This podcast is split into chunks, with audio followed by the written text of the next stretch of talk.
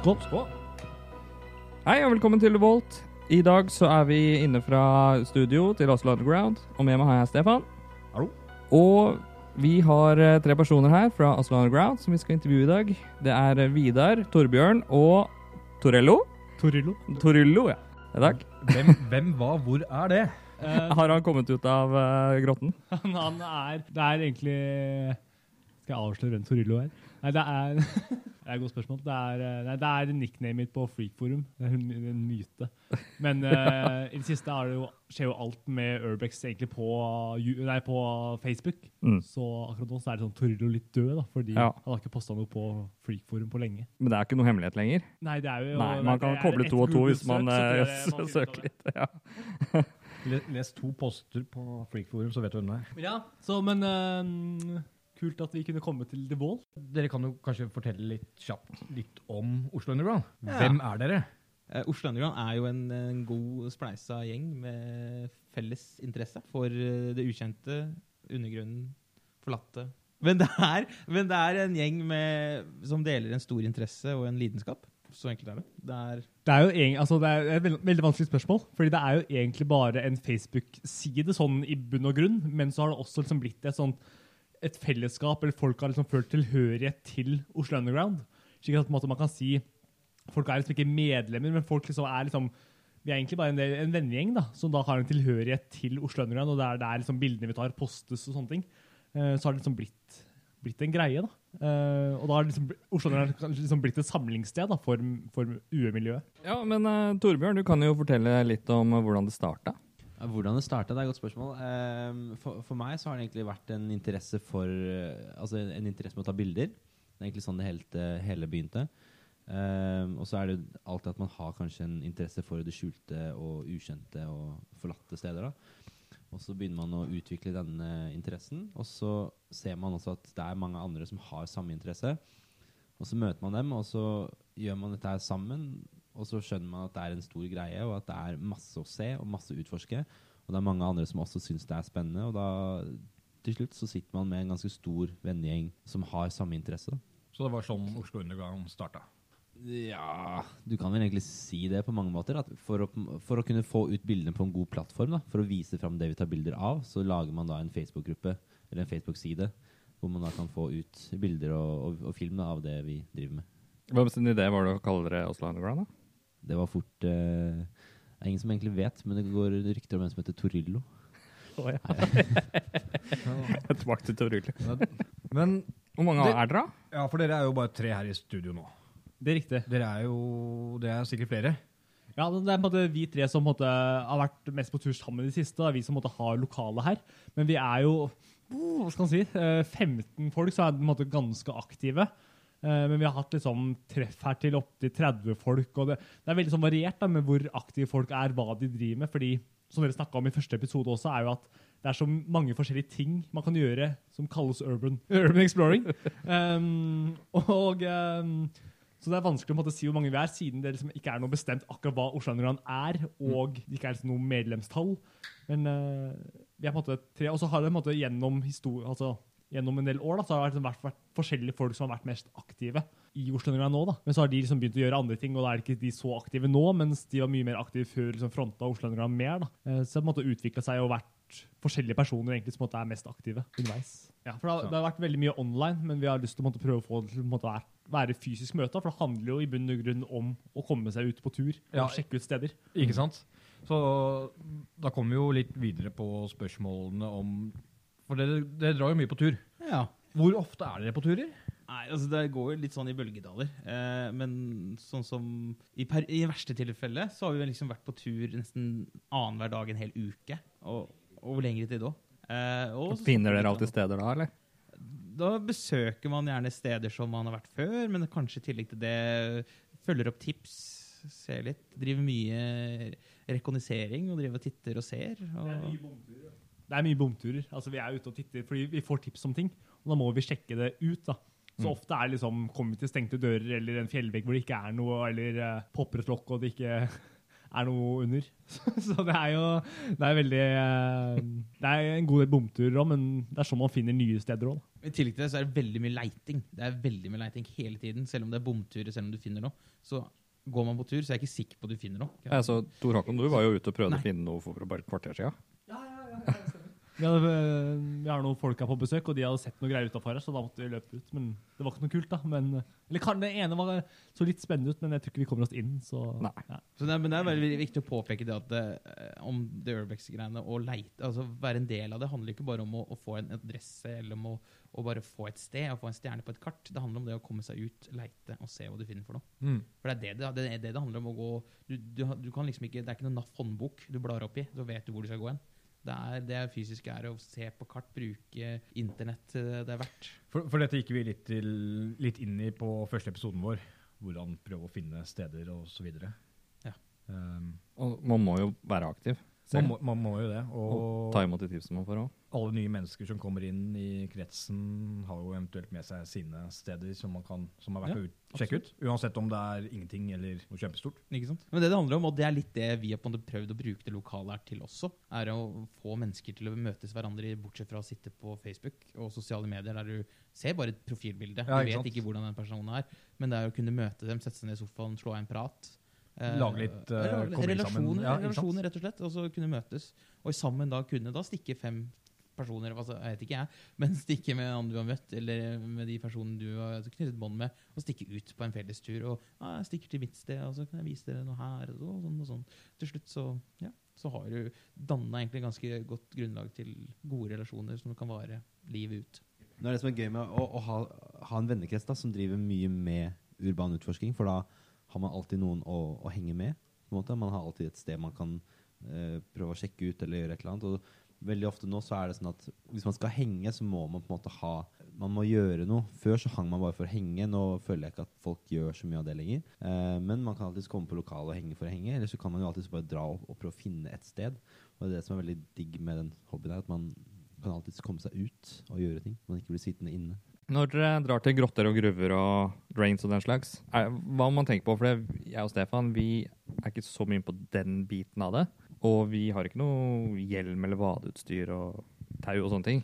Hva må dere tenke på før dere drar på en sånn tur? Det som er viktig å tenke på når man går eh, under bakken, da, i hvert fall ho hovedsakelig under bakken, det kan egentlig det gjelder egentlig for veldig mange steder, men i hvert fall under bakken i grotter og gruver og vannførende tunneler også, er at det, det er mye ukjente faktorer. I hvert fall i en, en gruve så kan det jo være masse sjakter som er vannfylte. Du, du ser ikke nødvendigvis at det at, at det er vann der, at det plutselig faller ned fordi vannet er såpass klart, har ligget stille i 100 år. Så det er veldig, veldig viktig at du følger med på hvor du går, at du på en måte har kontroll, slik at du ikke faller ned i et mørkt hull og forsvinner nedover. Og hjelm selvfølgelig viktig, slik at du ikke skader hodet ditt. Det er veldig fort gjort å dunke borti et eller annet, at det kommer et metallrør ut fra et eller annet punkt, eller det faller en stein, eller du skraper borti noe.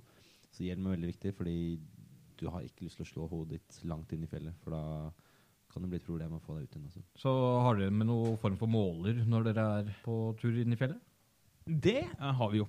Det har vi alltid med oss. Eh, vi har alltid en person som har det med seg. Det er Tor. Nei, det er, ja, Torillo har ha med det. Han, eh, han har med en uh, gassmåler. Det er faktisk den gassmåleren som uh, Erling Kagge brukte da han kryssa New York under bakken. Øy! Så den er Den godt brukt. historien kjenner vi til. Så det er en historisk gassmåler. Den tar da oksygen, hydrogensulfid, karbonmonoksid og metan, tror jeg. Spennende. Det er noe du vil anbefale andre å ha med i sekken? I hvert Altså, fall det, det at én har det med. Måte, ærlig talt da, så er det veldig sjelden man får bruk for det. Du merker veldig fort om du er på et sted hvor det er veldig lukka. Uh, under bakken om det måte er frisk luft eller ikke. Men skal man ned i en, måte, en lukka tunnel hvor man veit ikke er noen åpninger, eller et sted hvor det måte kan være tilkobling av kloakk og sånne ting, er det dumt å gå uten. da. Men uh, når vi har vært på tur, da, den har aldri slått ut. Den har aldri liksom sagt her er det noe farlig. Og vi har, jeg testa den på, en måte på steder hvor jeg vet, jeg vet at den funker, men den har aldri slått ut på noe. Nei. Eh, så måte, Vi hadde jo ikke hatt bruk for den enda, men hvem vet. Så det er en er, sikkerhet. da. det er bedre å ha den med enn ikke ha den med. Ja, det er akkurat det. Tanken bak det er jo uansett at man har eh, sikkerhet og utstyr på plass, og ha det i tanken uansett hvor du ferdes og hvor du går. og hva du gjør. Eh, det er jo bakgrunnen bak meg at du, du går jo ikke ned i en, en, inn i en tunnel som du merker at det ikke er noe gjennomtrekk, det ikke er noe luft, en grotte, gruve, hva enn det måtte være. Eh, du vet også en tanke på at eh, du går dypt ned i den grotten eller gruven, så vet du hvor lenger ned du kommer, jo mindre sjanse for at det, at det er oksygen der, at det er gasser. Altså, du, du får ikke noe ordentlig oksygen når du kommer 40-50 meter ned under bakken. Det er vanskelig. Ja. Eh, når det ikke er noe luftgjennomstrømning. Eh, så du må jo ta liksom sånne visse forhåndsregler. Snakke heller med folk som er som du vet har erfaring med det. Snakk med mennesker i grupper, i chat. Det er jo masse mennesker der ute som vandres i disse tunnelene og grottene. Så det er bare å begynne å strekke seg ut og sitte som da en, en interessert, men, men du er litt eh, litt sånn nervøs med å ta altså, Du har lyst til å stikke ut dit og gjøre det, men du tør liksom ikke å, å snakke med de riktige folka, og det skader jo ikke. Det er bedre å spørre eh, for mange ganger enn å ikke gjøre det. For da kan du skade deg, og da kan det skje riktig ille ting. Noe annet å ta med seg? Ta med seg generelt det er å ha med seg masse, ha med deg mat og drikke. Det er jo det. Eh, Det er viktig å ha med seg. Eh, Gjerne litt godis. Få Ja. blodsukkeret ditt. Det, det snakka vi jo også om å ha med i sekken i forrige episode. Ja. Ta, Og ta, generelt. vann, en sjokolade, Ja, de, sånne ting. de turene vi har vært på, de kan jo vare opp til Vi har jo vært ute i seks-sju timer og mer, og hele dager en hel dag, liksom, som vi har drevet ferdes. Og da må man ha med seg noe å spise på. Man må ha med seg noe å drikke. Man må jo det. Ja, og da, for hvis du, du blir slø, slapp og sløv, så kan det jo skje ting. Ja, da går det ille. Og da, det, Ja, mange av de stedene vi besøker, er jo på en måte ikke lagd for at folk skal ferdes. I motsetning til si, hus og fabrikker, da, er mer på en måte lagd for at personer skal gå der. Men det er ikke på en måte alle, i hvert fall ikke grotter, og de fleste tunneler er liksom lagd for å bare være effektive. De er ikke lagd liksom for at folk skal ferdes der, så man må være veldig obs på. fordi de kan lage et hull i gulvet med vilje, fordi det er praktisk, fordi der kan vannet renne, eller der eh, hadde de en heissjakt i g- gruva før, da. Men eh, nå er det på en måte Man kan ikke alltid tenke liksom logisk når man går inn, for man må bare være veldig observant. Og da er det lurt å måte, være på overskudd med søvn og mat og drikke. da. Man må alltid være liksom, på vakt. da. Og det er derfor jeg også er veldig, veldig imot det med at det, det skal ikke være ruspåvirket, f.eks. Man skal være edru. Man skal, man skal være bevisst på hva du gjør, og du, hva, du, hva som skjer rundt deg, omgivelsene dine. Så det er jo en av mine viktigste argumenter, i hvert fall. Vær klin edru når du gjør det. For det er snakk om din sikkerhet, og det er snakk om andres sikkerhet. Ja, ja, for all del. Og sånn som det er mange historier der folk har vandra ut på kraner og ting og tang når de har vært på fylla. Det skal ikke mye til før man begynner å koble litt ut. Så. Det var en uh, case for bare et par uker, nei, en måned siden hvor det var en fyr som hadde brekt et bein nedi en uh, gruve i utlandet. Og jeg tror, jeg tror bare, det var liksom 200 meter inn i gruva, altså ned og inn. da. Jeg tror de hadde brukt flere dager på å få han ut, da, fordi de måtte da altså, fire han opp. Og det var sånn 70 folk og flere dager på å klare å få en person ut. da. Og det viser liksom, hvis når en person da liksom, har liksom, ordentlig skade, da, så det skal så mye til Mm. for å få folk ut. En person veier jo mye. Så når King klarer å bruke beina sjøl, så må jo alt annet utstyr inn for å kunne få den personen ut. Så ja. Så spørsmål til uh, Torbjørn. Uh, vadebukser. Der har jeg vært litt sånn i markedet for å kjøpe noe sjøl. Ja. er det noen forslag der, eller? Vader er veldig kjekt. Da kan du jo gå med vann opp til uh, livet, altså opp til brystkasse. Du får også vadere som er laget for å dekke bare bein, at du har dem opp til hofta. Vi anbefaler vadere som går opp til brystkassa. Det er fantastisk, for da kan du faktisk gå i vann helt opp til brystkassa uten å bli våt. Kan man gå ut og kjøpe det billigste som finnes der? Funker det greit nok? Eller? Ja, ja. Ja. Altså, du må bare passe på at den er tett. Men altså, stort sett vader er jo laget for at du skal stå stille og fiske, egentlig.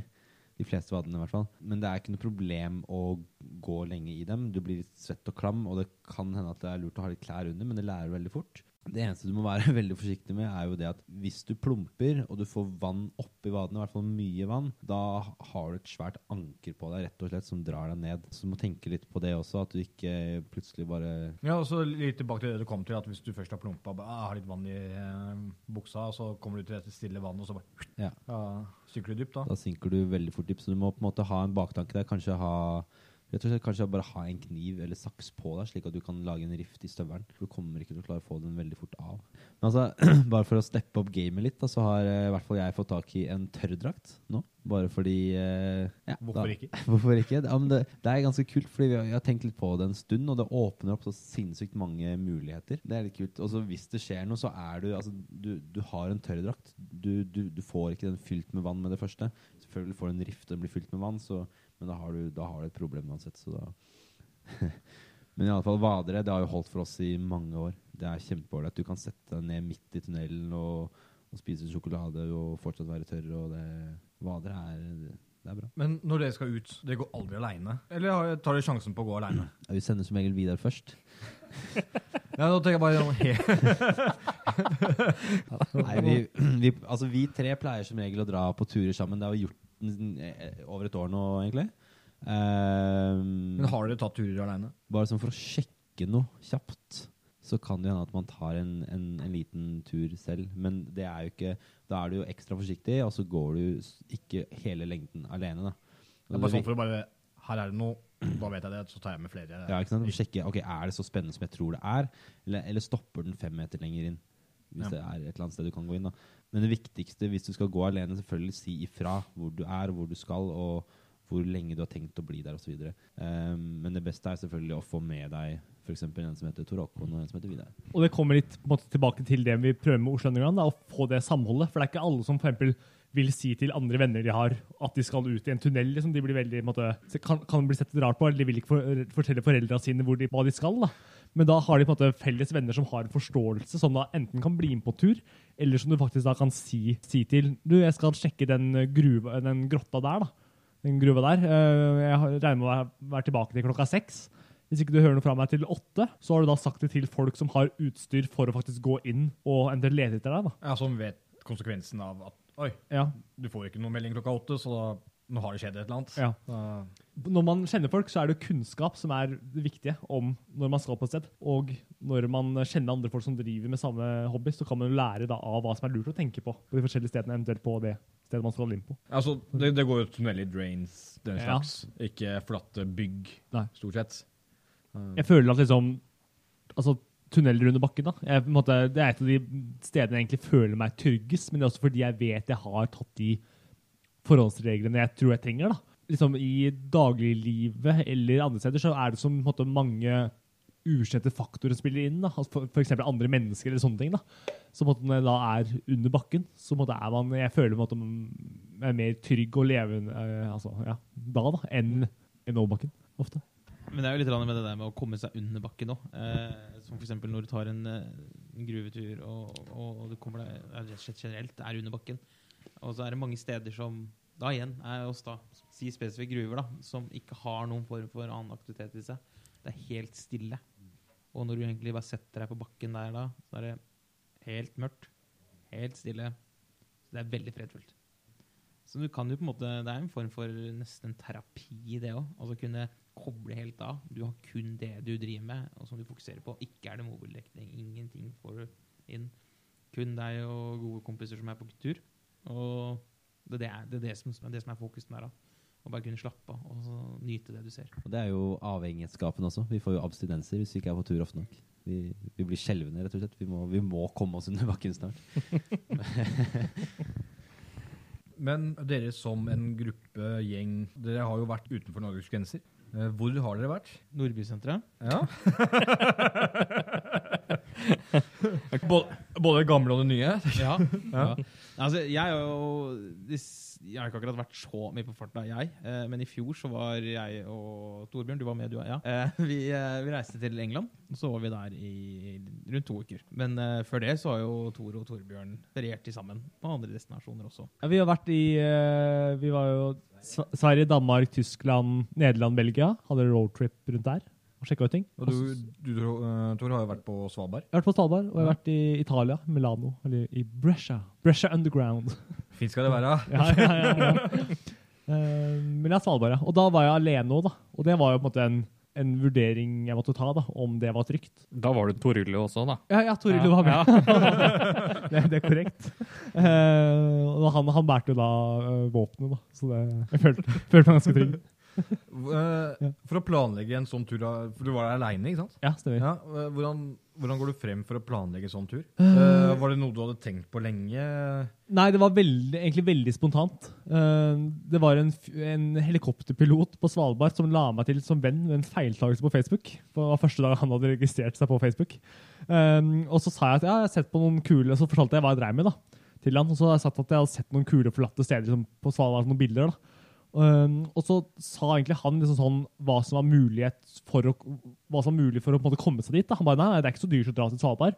Og så kan du bare høre med de, for de har båt hvor du kan bli kjørt ut til forskjellige steder. Og da skjønte jeg bare hm, det er faktisk ikke så vanskelig å ta den turen. da. Og tre uker senere, fire uker senere så var jeg der. Men det var da på en måte sende søknad til Sysselmannen. Da har du vært i Russland òg, da. Ja, på Russland sine områder der, ja. Så um, nei, sende mail til Sysselmannen. De har en skjema på nett hvor man kan søke om våpentillatelse for isbjørnbeskyttelse. Uh, ganske rett frem, og det virker som de fleste får innvilget den, så lenge de bare søker. Og så avtale med transport ut da, fra Longyearbyen. Og så lenge man skal på en måte innenfor de, um, de mest kjente plassene der, så er det på en måte innenfor et område hvor du ikke må søke om spesialforsikring og tillatelse for å dra. Så er det egentlig ganske rett frem. Eh, Du vet sikkert ikke det, men jeg har også vært på pyramiden. Du har det? Kult. Ja, kult. Men da var det guidet tur, da. Ja, ja, men det Du skal ikke gå fritt eh, inne. Men det var Stilig. Tanta mi låste seg inn på toaletten der. Satt fast hele turen mens vi gikk rundt og så. Det er skummelt, da. Er, er det en pyramide på Svalbard? Uh, nei, men det er et fjell som ligner på en pyramide. Har litt pyramideform rett ved. Har har ikke de fleste fjell det? Jo. det, det, men det er veldig sånn Forskjellig hvilken vinkel du ser det fra. Ikke diss det fjellet. Vær så snill, det er ikke det podkasten handler om. Nei da. Dere har jo vært flere steder, som England og nedover i Europa. ja, Det som er kult med de stedene, stedene er at man treffer andre som også driver med, Ja, med Urbex. da. Så da tenker jeg, hvordan går dere frem? Er det liksom, Bare reiser dere, og så prøver dere å gå inn på andre forumer i andre land og bare spørre om det er noen som vil treffes, eller planlegger dere litt i forveien? Vi- eh, Det varierer litt. Vi, egentlig pleier vi å se, ut, altså se for oss et par steder og få noen tips om steder å dra til. Eh, men så ofte planlegger vi å møte folk på stedene, og da kommer de opp med masse kule steder som vi drar og sjekker. da. Så vi gjør på en måte litt research først, men det viser seg alltid at liksom, vi egentlig blir tatt med rundt av lokale folk og får tips av lokale folk Mm. om hvor vi bør sjekke ut. Men det måte, beste er jo å spørre andre som har vært, vært på tur før, da, hvor, hva er kult å sjekke ut. Ja, I hvert fall eh, når vi var i England nå i sommer, så, så jeg, jeg har fulgt en kar på Instagram en god stund. Så når vi først var i England, så tenkte jeg ok, men vi sender han en melding og hører om han har tid til å møte oss. Og så eh, møtte vi han, og så tok han med oss på en innmari kul gruvetur. Den turen tok vel seks timer. Det var fortsatt mer å se enn da vi hadde vært der. Altså, det var enormt. Og Er dette de oss- saltgruvene, eller? Nei, dette var en limestone. Yes. Eh, og de viste jo Altså de ga oss også tips til andre steder vi kunne dra i området. da. For vi jo Vi endte opp med å være ute på i det området ganske lenge, selv om det i prinsippet bare var eh, et jorde, holdt jeg på å si. Altså det var et stort, tomt område. Altså det var, altså det var engelsk landskap, rett og slett. Eh, altså det var et stort, tomt uh, område hvor det var viste seg å være masse grotter og gruver i området. Så fikk vi et par tips til hvor vi kunne dra. Så det var kult. Venter jo fortsatt spent på disse uh, snuttende videoene fra Englandsturen deres. Ja, det er også... Hva skjer med det? Nei, vi har lagt ut en uh, På YouTube-kanalen min så har jeg lagt ut en teaser som viste at den heter 13 dager under bakken. Som er en compilation av turen vår til England. Det er vel i den dere snakker om å lage en uh, Serie eller vlogg i Ja, Ulavia. noe sånt, ja. Ja, så nå, uh, Torbjørn er egentlig, sitter nå med alle materialet. Det gjør vi egentlig alle, men han, sitter, har last, han har lastet ned alle materialet og klipper egentlig en, sånn, en grovversjon, en lang klipp av, uh, av den. Uh, så får vi se om jeg skal finklippe en versjon som skal postes ut da, videre. Jeg tror Torbjørn lager nå på en versjon som blir veldig lang, og som kanskje går over flere timer. Altså, det, jeg, altså, I og med Vi har så innmari mye materiale, og materialet blir bare liggende. Så det jeg har tenkt å gjøre, og jobbe litt med, det er egentlig bare å få samla alt materialet i riktig rekkefølge, så vi ser hva vi har. For det er litt synd at alt det blir borte, eller glemt. Eh, så da gjør jeg det, og så gir jeg det til eh, Tor Håkon, som har mer erfaring og, og mer eh, Altså, han kan mer om dette med klipping, da. Og så kan han da klippe en kul edit da, som dere andre vanlige dødelige kan se. Men hvis plutselig folk vil ha et eh, godt inntrykk, så kan godt da, at vi viser den lange versjonen på storskjerm her på Oslo Underground eller Forten og sånt også. da. Og det er ikke liksom, Hvis folk som hører på det her, mange av dem er jo mest sannsynlig urbexter eller fotografer. og Hvis dere har lyst til på en måte, å vise frem bildene deres, har lyst til å på en måte, ha noe, si et galleri, da, så det, har vi et rom her hvor vi sitter nå. Inne hos The Vault, hvor vi har mulighet til å ha gallerivisning. og sånn, Eller om dere vil poste ting på Facebook òg. Hva er neste destinasjon for dere nå? Altså, jeg har hatt veldig lyst til å dra til Paris i altfor lenge nå, egentlig. Så jeg håper at vi kan få gjort det i løpet av året. Men så planlegger vi også en tur til dun, dun, dun, Ukraina, kan vi si det? Er det greit å si? Ja, vi, ja. vi skal i hvert fall ned dit eh, og, og møte vi, har, vi kjenner folk som skal dit. Så da er det klart at vi også må dra dit da, og møte og henge med disse menneskene som er i Marikula, og utforske da hva Ukraina og Kiev har å by på, og områdene rundt. Mm, ja. Så får vi se om vi drar videre derifra, eller hva som Spennende. spennende.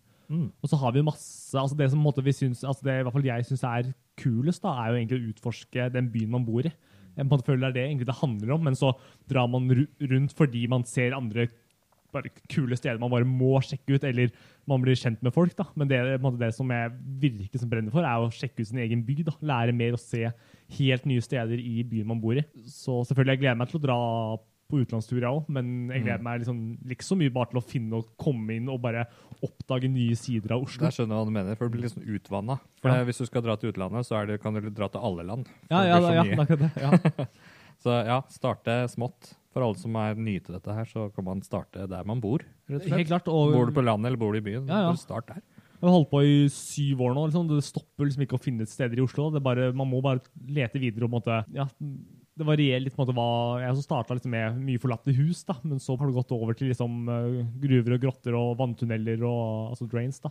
For det, er, for det er det som er deres greie akkurat nå, er jo som sagt grotter, drains. Ja, altså Det er på en måte hovedsakelig undergrunnen da, som at det er det som tenner oss. Ja. ja. Jeg regner med at dere lager en video ut av dette. da. Det blir en Ja, vi, Vlogg. vi, vi filmer noen turer. Vi gjør det. Eller, ja. Vi filmer noen turer og poster det på YouTube. Eh, og I tillegg så har vi hatt med en uh, hyggelig kar som heter Mats på tur. Mats Muri, som lager da en dokumentarfilm som heter Oslo Rats. Som jeg tror Nå skal vi ikke love for mye, men jeg tror den har premiere til høsten. Ok. Men Det blir en kortfilm, gjør det ikke det? F 40 minutter. tror jeg. Oslo Hats er vel egentlig Skulle hatt Mats her til å fortelle, egentlig. Jeg kan få, prøve å få inn han en senere gang. Eh, men han har da fulgt oss i sikkert et år av og på, og, og filma det, det vi gjør, men også andre i miljøet. For å på en måte dokumentere det, altså urban utforsking i Oslo. Det bringer jo alt opp til overflaten. da. For Før har dette kanskje vært litt sånn undergrunnsmiljø. Men dere har jo vært med på å gjøre dette her mer eh, legalt. da. Ja, det er litt, ja, Ja. det er litt jeg prøver å finne, putte et ansikt på det. Men altså, det er, det er, altså fordi det er noen som da selvfølgelig forbinder det her med urban utforsking som veldig ulovlig, eller ulovlig i det hele tatt. Men veldig mye av det er jo ikke det. Det er jo litt hva man gjør det til. Altså, selvfølgelig løper det en T-banetunnel. Det er jo ulovlig. Alle skjønner jo det. Men det å grå, gå i en grotte eller gruve, det, altså, det er jo ikke ulovlig, det. Nei, så lenge du veit hva faren er og tenker på din egen sikkerhet. Ja, ikke sant? Så han setter på en måte et nytt lys på det, da, på en måte får frem våre tanker og hva vi faktisk driver med, slik at det ikke altså For å fjerne fordommer og misforståelser. For å faktisk vise hvem vi er og hva vi driver med, blant annet. Men er i hvert fall for å ja, vise, vise hva dette her faktisk er. da, Gå litt i dybden på det. Hvem vi er og hva vi tenker rundt det, og, og, og hvorfor vi driver med dette her. Det er jo hovedsak- hovedsakelig Oslo Rats handler jo om å, å, å sette, altså sette et ansikt på de menneskene som driver med det de gjør, og forteller om lidenskapen og, og forteller alt om hva som ligger bak det. Hvorfor, fi- hvorfor finner du det interessant? Ikke sant? Jeg? Ja, ja, ja, ja ikke sant? Det er akkurat det. Og det er hvorfor hvem, Og hvem er disse menneskene? Hva får dem til å Hva er gnisten? Hva er det som får dem til å gjøre det? Eh, Samtidig som det er det å, å danne et ordentlig bilde. For de bildene som er rundt omkring, de videoene som er på nettet, de danner et veldig sånn eh, kriminerende eh, bilde av det. At dette er mange gjør det fordi at det er ulovlig. Hopper over gjerder, løper ned T-banelinjer. Men det, så det er det ikke. Altså, det er mange som da Vi prøver å formidle og sette et stempel på det. At mm. her er det mennesker som bare brenner for å gjøre det. Og ja, lærer, ja, men det er historien. ja, altså For å få historien og for å kunne sette seg inn i stedene. og det er ikke, Du gjør det ikke bare sånn spontant når du liksom hopper av T-banevogna. Eller sånt, eller du går ikke bare langs gata og hopper ned i et høl bare for å gjøre det. Du, du setter deg ned i historien om stedet, om de, de, de tinga du gjør. og Ja. det er, du setter deg inn i det. Du, liksom, du, det, setter, du går inn i dybden av de menneskene bak deg. Bak miljøet. Dere kjenner jo bydelene fra innsida og ut. På en måte, ja. Ja. Ja. Så dere har kanskje et litt annet bilde av uh, Oslo ja enn man, man uh, går faktisk og ser utviklinga. Man går og ser hvordan byen har blitt byg- bygd. da. Infrastrukturen, liksom, i forhold til det. Man går og ser da, kan komme fra en teglsteintunnel til å gå til betong, og, og så, eller gå videre til fjellsprengte. Altså, du har hele veien. da, Du har hele spekteret. Og du går, og går blant annet og ser går ifra da Tegelsteintunnelen som Bislett Bekken, for eksempel, fra 1802-ish, eh, til da en betongtunnel, liksom. Eh, og, eller betongrør. Og det er jo veldig fascinerende. Hvor mange kilometer er det under Oslo som man kan gå i? Og godt spørsmål. Altså, det er snakk om at to tredjedeler av liksom, Oslos elver og bekker ligger under bakken. Og det er ekstreme mengder. Jeg husker ikke kilometertallet, men det er liksom eh, det er ekstreme. Det, det er så alle mulige størrelser. og Du har rød som er som tre-fire meter i diameter, og du har eh, Vanligvis er det sånn rundt to meter. Og så har du lavere og lavere ned til liksom 1,20 og 90 cm, og da begynner det å bli litt, litt for trangt. da. Eh, men um, det skulle si også med at man kan måte lære mye av byen på å se på stedene også, er liksom for eksempel hvor tilfluktsrom og hvor bunker og sånt er anlagt. da. Man ser liksom at tilfluktsrommene er, tilfluktsrommene er lagd for eh, er plassert der hvor det er måte mye folk. Der ligger tilfluktsrommene. Og eh, bunkerne er for eksempel enten i skogsområder, altså utenfor sentrumskjernen, eller langs vannkanten. At det, måte, mange bunkere ligger da måte strategisk til. da. Det, det, det er et par uh, spørsmål jeg har lyst til å stille. Sånn, har det skjedd noe galt på noen tur noen gang? Som kan være en uh, advarsel til andre senere? Ja, vi har hatt Altså, vi på en måte Det har ikke på en måte gått galt, men på en måte, det har vært situasjoner hvor vi eksempel har mista litt kontrollen. da. Ja, eller hvis man blir for gira. Vi var annet i Belgia eh, og inne i en eh, ganske kul gruve der. Og fikk da vite at ja, noen folk har forvilla seg bort her eh, før, da, så man måtte være litt forsiktig. Så går jeg og Torbjørn inn sammen med tre-fire amerikanere, begynner å ta bilder. Eh, og så går jeg, Torbjørn og jeg bort fra de amerikanerne, for vi tenker ja, vi tar noen kule bilder her. Og så tar Torbjørn lysmaler litt her, jeg tar litt bilder der, sånne ting. Og så beveger vi oss litt bort fra hverandre. Og der var sånne, sånn veldig sånn Det var også sånn limestone eller sånn sandgreie, så det observ- opp, lyden når man ropte der inn, da, kom, eh, rakk ikke så langt. Så til slutt var det bare sånn Torbjørn. Og så hørte jeg ikke han. Ah, ikke noe ekko eller noen Nei, ting? nei, nei. Bare absorberte alt? he- ja. Um, og det endte da med at vi var eh, Jeg var lost i Jeg tror jeg var lost i en kvarter, 20 minutter. Torbjørn var vel uh, borti Ja, jeg kom vel ut en to-tre minutter før deg, tror jeg. Ja, maks. Men da, da Fordi litt av det som skjedde Jeg i hvert fall ble veldig ivrig da, på å se mer. Fordi du kan se for deg Dette er ikke en tradisjonell gruve som vi på en måte har i Norge. Her er det på en måte Du kan se for deg et gigantisk rom med, inn, med, med, altså med søyler som er eh, fire meter breie i alle, altså fire meter i lengden alle veier. Og så er det da to-tre meter opp til taket. Eh, Nei, mer enn det, altså sikkert fem-seks. Og sånn fortsatte det sikkert 100-200 meter i nesten alle retninger. Så det er masse store søyler overalt, så det er på en måte delt inn i sånne firkanter. da. I tillegg til at det er høydeforskjeller og alt. Um, så jeg tenkte egentlig ok, kult, jeg går rett fram her. Jeg vil bare se litt sånn størrelsen på det, se om jeg finner noe kult. Eh, og så et stykke ned så gikk det da litt til eh, siden. Så jeg tenkte ok, hva, hva er rundt her? Eh, og da gikk det litt videre, så tenkte jeg ok, jeg, når jeg skal tilbake igjen, så går jeg hit, og så går jeg litt til siden, og så går jeg rett bakover. Det er greit. det er ikke. Ja, og det sier seg selv at det gikk jo egentlig ikke så veldig fint. Eh, så på et tidspunkt så var det sånn ok, men det er kult, nå har jeg sett det jeg skal, jeg går tilbake igjen. Og så går man tilbake igjen, og så kommer man til det punktet hvor man da skal gå litt til siden, og så gjør man det, men så kjenner man seg ikke igjen fordi alt er likt. Og så begynner man å tenke ok, hvor er det jeg skal nå? Og så roper man, hører ingenting. Lysmann ser alt, altså alt er jo likt. Det er jo sandstein overalt. Eh, og så ser du etter fotsporene dine. De er bare altså, overalt, fordi altså, det er mange andre som har gått der også. Da. Eh, så da er det egentlig bare å begynne å finne en vei ut. og da var det et tidspunkt hvor jeg tenkte herregud, ok, det her, det her kan faktisk bli litt interessant. Nå er jeg langt inne i en gruve um, som jeg ikke vet hvor stor er. Um, jeg vet ikke hvor de andre er.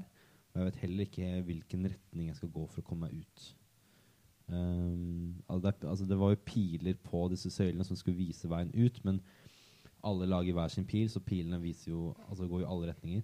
Ehm, så da var det på et tidspunkt hvor jeg tenkte ok, hvor mye mat har jeg egentlig i sekken? Hvor mye vann har jeg? Hvor lenge klarer jeg meg her selv? da? Så du begynte faktisk å tenke på, Ja. tenke på det? Det var et tidspunkt hvor jeg tenkte det. ok, Ja. Nå, nå må jeg faktisk begynne å tenke litt på, på hvor lenge jeg kan være her. Da, for jeg vet faktisk ikke hvor stort dette systemet er. er. Og jeg begynte jo å finne Jeg så lys. Jeg bare, altså jeg, også, på en måte, jeg begynte å frykte liksom hvor, hvor, hva gjør jeg nå, hvor er jeg nå?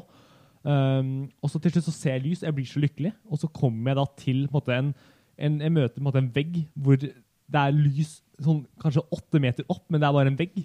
Så jeg bare, ok, Hvordan kan jeg klatre opp her i så fall? da? Men da skjønte jeg at ok, da er liksom ved der det på en måte eventuelt er ut. Da, så begynte jeg liksom å jobbe meg bortover den veggen, men alt er så likt der inne.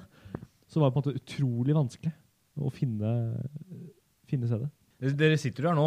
Ja, altså, Så- det gikk jo fint. eh, De gjorde altså Det var en Eh, Fant dere hverandre først, eller fant dere utgangen hver for dere? Nei, jeg fant jo da lys i tunnelen og gikk ut der, og så satte jeg meg i varmen og venta.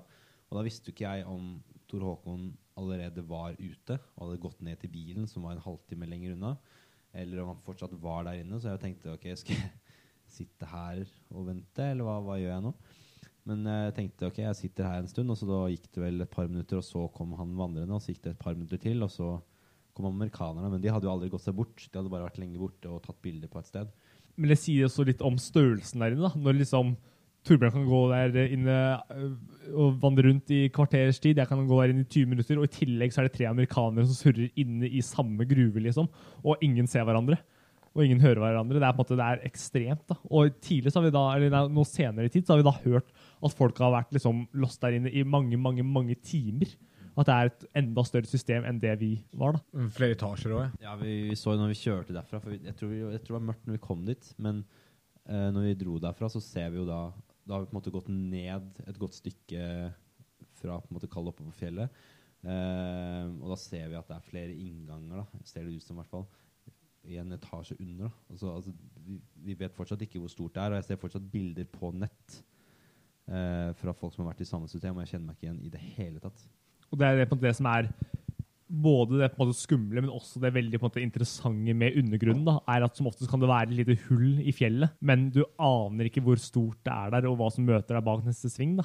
Og Det er det som jeg synes er spennende. Ser du på et hus, ok, da ser man hva huset er, men det spennende da er liksom, ok, hva er inni huset. Men i undergrunnen, så på en måte, hvis man ikke veit hva det er, da, så det kan gå i skille. Altså, Norges lengste grotte er jo 25 km lang. Da kan du begynne å tenke liksom, da må du bruke liksom dager, om ikke uker, på å liksom få utforska hele systemet. da. Og Det er liksom én grotte. Og så kommer du ned i det svære systemet. Veldig spennende, men det er også da, litt skremmende da, hvis man da ikke vet at det er så stort når man går inn. Ikke sant? Ja, litt mer på tanke på sikkerhet når det er så store steder, og når du ferdes da um, fra hverandre. Selv om man er i sammen, så ferdes man litt fra hverandre. Så har vi da, vi tenker jo sikkerhet veldig litt, kanskje mer enn det andre gjør også. Men vi har jo da implementert da samband som en av våre eh, ja, last på utstyr på oss. Ja, Så dere går rundt med, dere går rundt med walkietalkie? Ja, vi har samband. Mm. Ikke walkietalkie, men samband. Nei, samband. Er ikke det walkietalkie? Nei, men rett og slett fordi at eh, splittes vi i et område, så, så klart det er begrensninger på hvor langt dette går. Men, men er man så å si altså man, Er man bare rett rundt hjørnet hverandre Vi har jo hatt dem i gruver eh, som det har fungert på lengre avstander. Og, og det, er, det er greit å ha i tilfelle det skjer noe med deg. eh, og du trenger hjelp, og du ligger i et mørkt sted som da vi ikke kan se. Kommunikasjon er nøkkelen Ja, kommunikasjon, ja. Mm. Også andre prosjekter fra Oslo Underground sitt ståsted. da. Er det liksom noe dere tenker på, eller er det Ja, vi er gira på at Oslo Underground består jo av veldig mange folk som har veldig mye kunnskap om forskjellige ting og temaer. Og, eh, og mye av det går også på å ta bilder og foto. Og vi får mye spørsmål om å, kan ikke dere lære meg hvordan å ta bilder? Kan ikke dere vise oss sånne ting? da? Så vi er egentlig gira på å sette i gang litt sånn fotokurs, både for å lære sånn kamerateknisk, men også hvordan man kan ta kule bilder i mørket, og hvordan måte, man kan bruke kameraet på best mulig måte. da. Men vi har ikke helt satt på en måte noe dato eller uh, noe sånt ennå, fordi vi egentlig gira på å høre om folk er gira på det først. da. Så det er en fin mulighet nå da, hvis, hvis du har lyst på et sånt kurs, eller et kurs generelt fra oss, så gi oss beskjed. Så jo flere meldinger vi får på det, jo mer får, vi lyst til å lage kurs Mm. og foredrag og sånne ting. For vi har, vi har jo lyst til å gjøre det, og vi, men for at vi skal gidde å ta oss tid til å gjøre alt dette her, så må vi ha et lite mål å jobbe mot, på en måte, kan du si. Altså vi må, vi må ha et lite spark i ræva. Og vite at folk er gira på det. Vi har hørt liksom fra noen, men det spørs hvor mange kvelder sitter og gjør det hvis det er fire stykker som kommer og lærer. Ja, da, da er det lettere å bare vise dem istedenfor at vi skal bruke tid på å skrive et langt kurs. Ikke sant? Ja. Men uh, vi snakker om det, og vi er gira på å få til, få til ting. Mm. Samle, og ikke minst bare på en måte steppe opp gamet med å publisere mer bilder, da, både på Instagram og Snapchat og Facebook. sier jeg vår. Og åpne for at også andre kan legge ut bilder, altså vi kan dele bilder til andre på sida. Slik at det ikke er bare på en måte, vi som lager content der, men at andre kan også bli på en måte vi har jo 5000 likes på Facebook, så hvorfor ikke dele andre sine kule bilder da, fra skjulte og flatte steder? Ja, så man må nesten bare sende inn bilder, sende, sende inn spørsmål. Det skader ikke. Nei, men jo, det er flere, jo flere som gjør det, jo større sjanse er det for at det faktisk kan skje noe i den Og, sjangeren. og generelt så er det bare å skrive inn til Oslo Underground. Uh, huke tak i oss hvis du vet hvem vi er. og det er bare huke tak i oss. Skrive til Oslo Underground på Facebook. Si, kom med forslag. Hva vil bli utviklinga? Så alle er en del av den utviklinga. Det, er, det, jo, det er kjempebra, og det, det, det handler om at mennesker som sitter på noe, som vil formidle noe, og, og har gode ideer, skyt dem ut. Ikke sitt og hold dem for deg sjæl, liksom. Ikke sant? Og det er jo ikke en hemmelighet at miljøet har blitt mer lukka de siste årene. Og da å dra og møte andre fra miljøet eller komme i kontakt med andre folk som driver med det, da, er jo på en måte egentlig inngangsbilletten for å få vite om steder og bli med på tur og sånne ting. For måte, vi får mye spørsmål. Å, kan vi være med på tur? Å, kan vi eh, Hvor er det? Hvor er det? Kan du gi oss et kult sted? Det er på en måte veldig vanskelig å svare, da, for vi vet liksom ikke hva for noen forutsetninger den personen har, eller hva den personen er gira på å se, eller hvem den personen er i hele tatt. Da, da, da kan man nesten bare høre på første episoden vi lagde. Da går vi litt inn på hvordan akkurat den biten der. Akkurat det, og det er sånn at Vi får jo jevnlige henvendelser på Oslo Grand Facebook-siden med at Hei, kan jeg bli med på en sånn tur? Eh, Selvfølgelig, alle kan bli med på en sånn tur, men vi, vi vet ikke hvem du er. Vi vet ikke grunnlaget ditt til en sånn tur. Vi, altså, Hvor interessert er du? Er du bare interessert fordi at du har sett kule bilder av det? Tenker bare sånn, «Åh, ja, jeg tar en sånn tur, og så ferdig med det. Men vi vil jo helst kunne ha med oss mennesker som er veldig veldig engasjert og deler de samme synspunktene. Og deler, samme, og deler det den lidenskapen da, og om det ukjente og det forlatte og alt det greiene der. Eh, så letteste, uansett om du skriver inn til oss eller ikke, poster vi en, et treff på Urban Exploration Forum eller på Urban Exploration på Facebook, på, eller et event på våre egne Facebook-sider. Bli med. Møt opp. For det er det første steget du må ta. Bare møte opp og inkludere deg sjøl. Og ikke vær redd for å komme. Det, hver gang vi har treff, så kommer det alltid en eller flere som kommer helt alene og ikke kjenner noen fra før, og møter opp. Og Vi tar imot alle som en, og det er ikke noe problem å komme alene. Så ikke vær redd for å komme. Vi eh, åpner døren for alle, nesten alle. Unntatt Torilo. Han vet vi ikke hvem er. Ja, Hvis man vil eh, følge dere litt sånn fra uke til uke, så har jo du en, eh, en vlogg på YouTube, Tor Håkon. Den heter Tor Håkon Ulstad Det er på korrekt. YouTube. Ja, Da legger jeg ut litt fra mitt uh, virke som fotograf, men også prøver jeg å få til mest mulig urban explore, exploring òg, for det er det jeg driver mye med.